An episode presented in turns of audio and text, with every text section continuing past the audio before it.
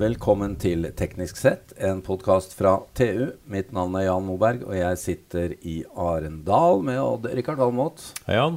Hei, Odd-Rikard.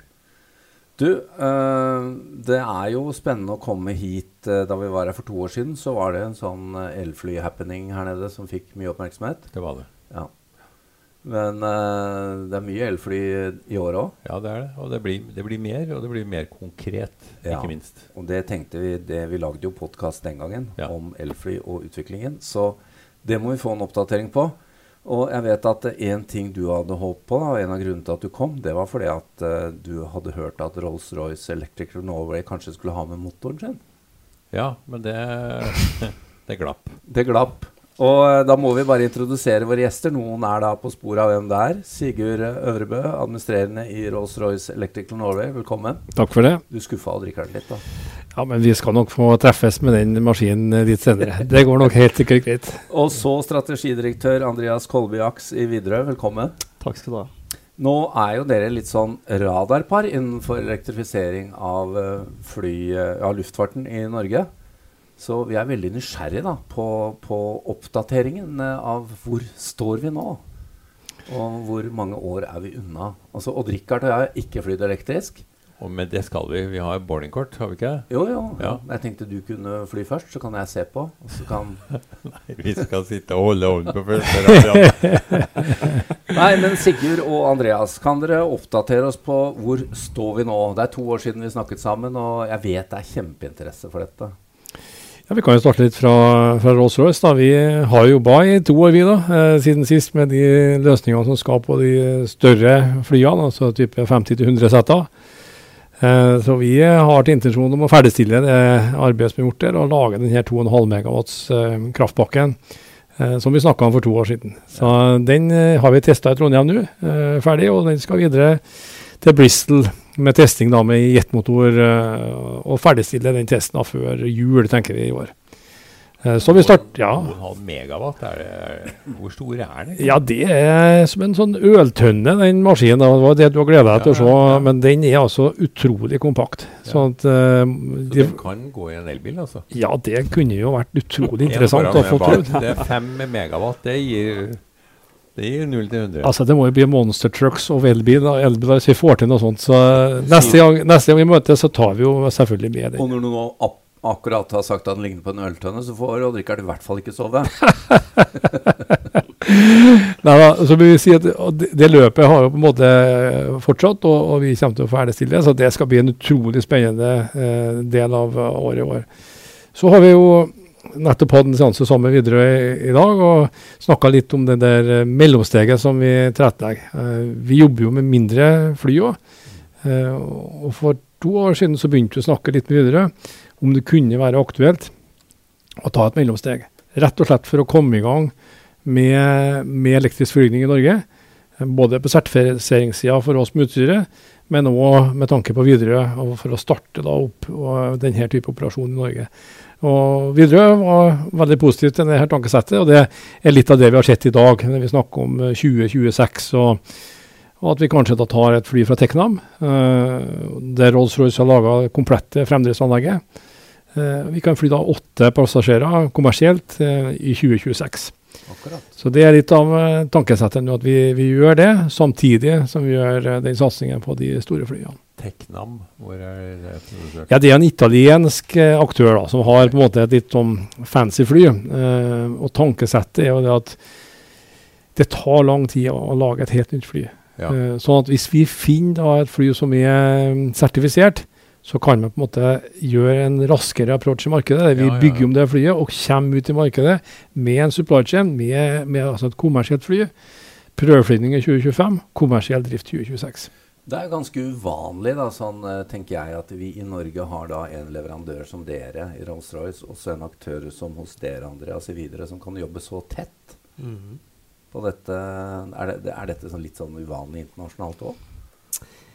Både ja og nei. Jeg tror uh, mange andre industrier har vært flinkere til å tenke nytt i måten man uh, jobber med sitt leverandørnettverk. At vi har vært litt, litt sånn kan du si, tradisjonelle i luftfarten, hvor vi typisk henvender oss til en flyprodusent og hører hva de har å selge oss, og så Ja. lar vi det være med det.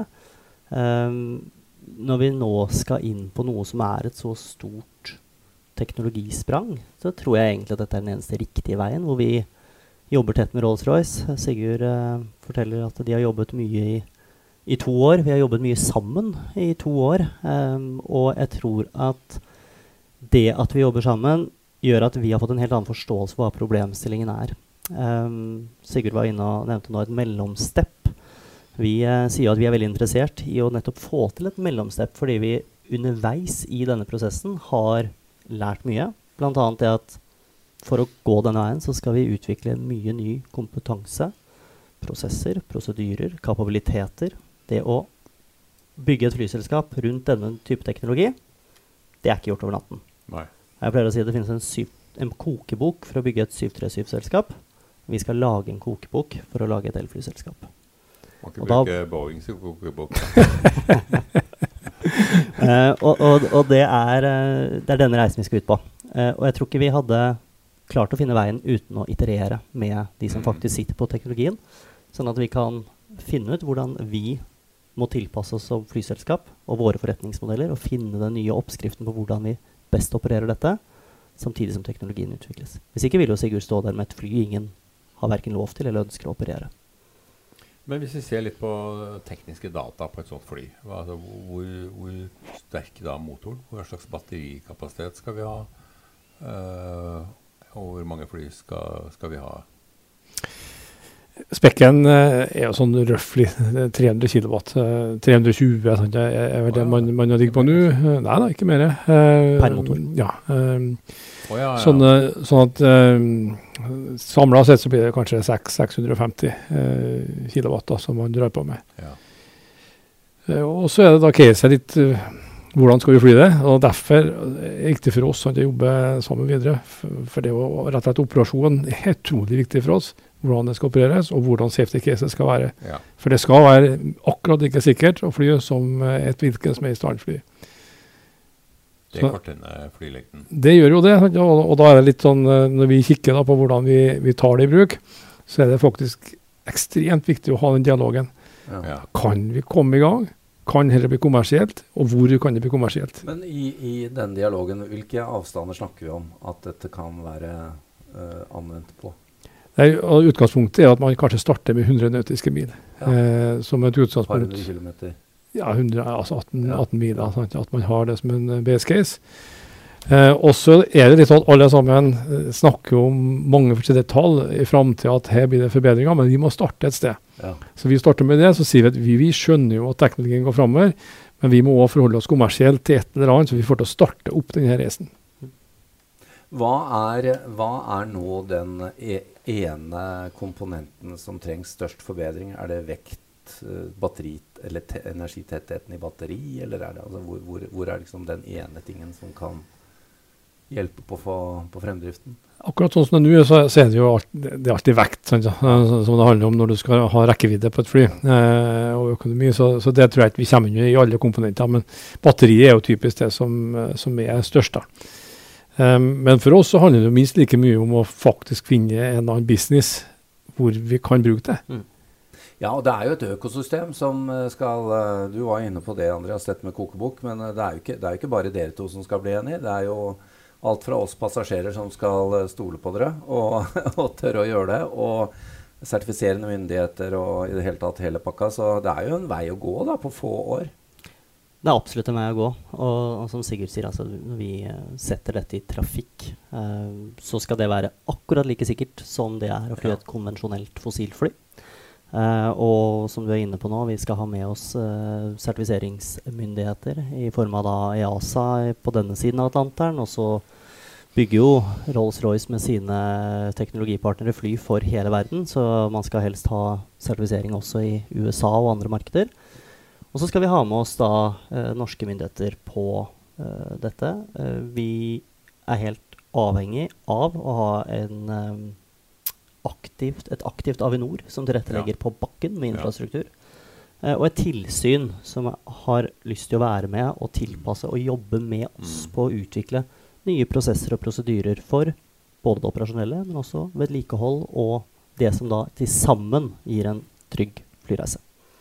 Når, når dere snakker om en rekkevidde på 100 nautiske mil, er det da ut fra dagens batterier eller for batterier i 2025? For de kommer til å være mye mer ladetette enn i dag. Jeg tror at Vi har laga en liten video sammen med Teknam Ja. som vi illustrerer litt bildet. Der, der når flyet er i lufta, så ser man at årstallene går, og at rekkevidden da endrer seg. Ja. Så man har valgt- å kommunisere på den måten at vi starter en plass med det så, så lang rekkevidde som vi tør. Og så tror jeg alle sammen er innforstått med at man har forbedringspotensialer Mm. eh, på det. Men vi må til å starte en plass, sånn at vi kan si at ja, men her starter vi med denne rekkevidden. Og så vil vi da i løpet av de kommende la oss si fem til ti årene da, kanskje ha en eh, ganske god forbedring. Men det er klart vi starter ikke med et batteri som er kommersielt i dag. Vi har jo allerede tatt inn over oss at eh, vi tar det som er state of the art, eh, og putter det, det inn og, og sertifiserer det. Eh, så det er ikke det batteriet man finner på hylla som jeg tenkt å bruke her. Her har man stekt seg allerede for å på ha en løsning i, i, i 2025.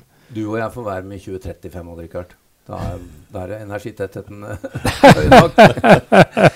Andreas, jeg må spørre deg eh, om Altså, det, det kom fram i dag, skjønte jeg, på dette seminaret dere hadde, at um, dere sa fra dere en opsjon på noen nye fly for et par år siden.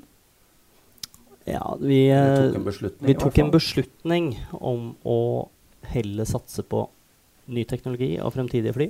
Og fremfor det å, å, å egentlig investere i lignende fly det vi har i dag, konvensjonelle fly utviklet på 70- og 80-tallet, som fremdeles produseres, Mm. men som egentlig ville vært det samme som å stå ganske stille. Mm. Um, vi, vi uttalte for et par år siden at det å bestille et fossilfly i dag ville være litt som å kjøpe en dieselbil for levering om ti år. Ja. Og så kan det hende at vi spissformulerte oss litt der, men vi ser jo at det faktisk var ikke det så gærent allikevel. For nå ser det jo Da, da ut som stoler dere ganske på at dette skal skje, da. Ja, vi gjør det. Ja. Og så har vi jo holdt på nå i, i fire år, siden vi traff den beslutningen om å Ja. fokusere på dette fremfor konvensjonelle fly. Og jobbet oss dypt inn i mange teknologimiljøer inntil vi til slutt valgte å gå tettere med Rolls-Royce. Og sett hva som skjer i mange ulike bedrifter, ulike steder i verden. Og ser at denne utviklingen den går jo fortere enn det mange skulle tro. Og jeg vil jo si at det som kanskje har skjedd de siste eh, siste året spesielt, det er jo at mange har kommet ut og ville kommunisere om det. Mm. Ting som har ligget der, og som folk har jobbet med. Du, dette er jo relativt uh, små fly, men uh, har dere sett på hvordan dette vil endre eh, oppførselen til passasjerer? For det første er jo da Strøm er jo billig, tross alt, i forhold til flyfuel. det er stillegående. eh, og, så vil jo etter hvert flyene bli rimelig også. Så vil det rett og slett bli mer vanlig å fly? Det er et veldig godt spørsmål. Det Eh, det håper jo vi. Ja. Altså, det, det, er et interessant spørsmål eh, når vi prøver å forstå fremtidig kundeatferd. Fordi Ja. mens teknologien nå utvikles, så har vi allikevel en utvikling hele veien i kundesegmentene våre. Eh, alle er blitt ti år eldre når Ja. vi kommer til 2030. Det er en annen generasjon som er våre kunder. Ja. og hovedvekten av våre kunder, det er én driver.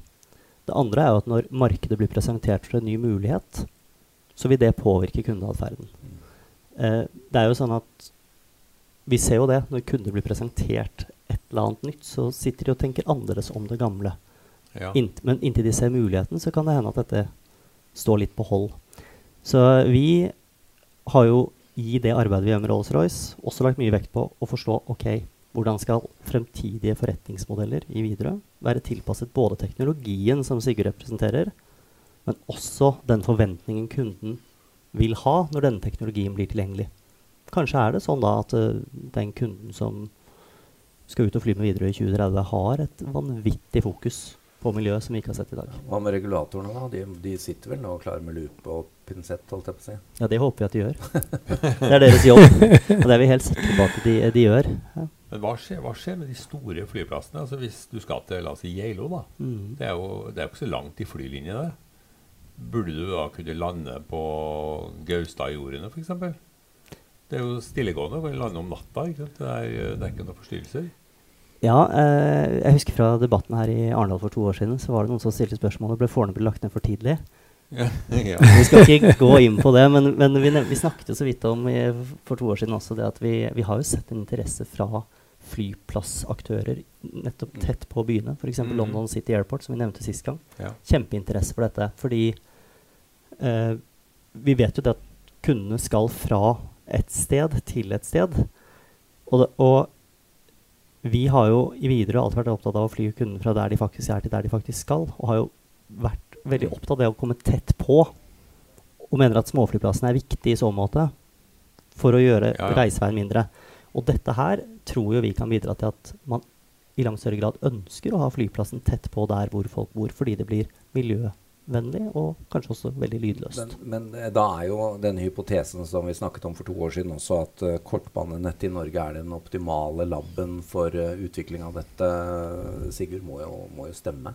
Så du kan vel ikke få en bedre partner til å fikse den, dette steget av utviklingen? Helt klart. Altså, det som er litt spesielt i, i Norge Jeg husker på å ha en av de høye herrer fra England over. Ja. Og han i løpet av en formiddag hadde møtt uh, ti personer i Norge som egentlig kan endre denne industrien. Det sier jo alt. Altså, Norge er et lite land eh, med egentlig ganske få personer som kan bestemme mye. Og vi har på en måte en Avinor sant, med sin struktur, og vi har mulighet til å diskutere ting og gjøre, gjøre ting her som er veldig få plasser i verden det går an å gjøre det samme. Det er helt klart. Men kommer vi altså Du er jo midt oppi det eh, i Rolls-Royce, men kommer vi til å klare å skape en industri, eller ha en impact på det som vi ikke egentlig helt har klart med elbilindustrien? Vi håper jo det. Eh, så jeg har jobba knallhardt i tre år for å få det her til i Norge. Altså Få legge satsingsområdene, ikke bare på teknologi, men også for forretningsutvikling eh, og service. Tenke på hvor mye av det kan vi få til i Norge. Så eh, vi får se hvordan, hvordan rammebetingelsene blir, og hvordan vi klarer å, å på en måte knekke den koden. Men eh, vi er absolutt eh, satt opp på det.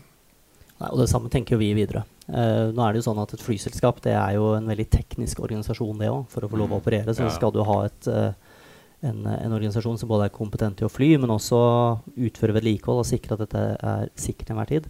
Og vi ser jo det at det, dette er noe mange syns er spennende å jobbe med i fremtiden. Det er spennende å høre Og om er òg, ja, selv om de ikke sant? jobber med det. eh, og, og vi ser jo det at det å utvikle og kunne være med å lage fremtidens flyselskap som tar i bruk teknologi tidlig, det er kjempeattraktivt for å tiltrekke seg nye ressurser. Og Nå, nå har eh, Odd-Rikard og jeg faktisk flydd eh, Oslo øh, øh, Førde, blant annet, og Oslo. Nei, det var ikke før det var eh, eh, Og der òg. Ja, det har vi gjort en gang. Da Ja. var vi på Hovden Ja. eh, i år. Og, men det jeg tenker på Hva snakker vi om av de første flyene som dere tenker i dag, da? Dette er jo ikke med sikkerhet, selvfølgelig, men hvor mange passasjerer eh, tenker vi? Og hvilken type strekning vil det først kunne bli anvendt på? Hva er karakteristikken med 100, og- altså med 100 nautiske mil? Hva, hva, hva snakker vi om? nei, hvis vi tar utgangspunkt i eh, vi får si det litt sånn tentative 100 nautiske mil litt fra Ja. Sigurd nå, så uh, kan vi ta et eksempel med Bergen-Stavanger. Det er Ja. 86 nautiske mil mellom Sola lufthavn og Flesland. Uh, men så er det jo alt dette med at du må operasjonelt planlegge dette, sånn at sikkerheten er ivaretatt. Og da kommer andre faktorer inn, som f.eks. hvor det er en alternativ landingsplass. For de som er kjent i den delen av landet, vet at Haugesund ligger midt under omtrent Ja. på veien. Aha, Slike ting påvirker. ja. Så når vi skal velge ut de første strekningene, så blir det en kombinasjon av hvor er det vi har bygget kompetanse og har en hub for å vedlikeholde og ha kontroll på de første flyene. Hvor er det en strekning som er operasjonelt fornuftig å fly? Og hvor tror vi at det er et marked som har lyst til å teste ut dette kommersielt? Og så er det mange alternativer i Norge, og det vi syns er artig nå, det er at de ulike regionene lener seg frem og har veldig lyst til å lyst få til å de første der. flyene Ja, ja, til sin ja. region. Ja. Nei, Det skjønner jeg. Og Odd-Rikard også, han vil jo gjerne at vi skal lande på jord utafor oss, han.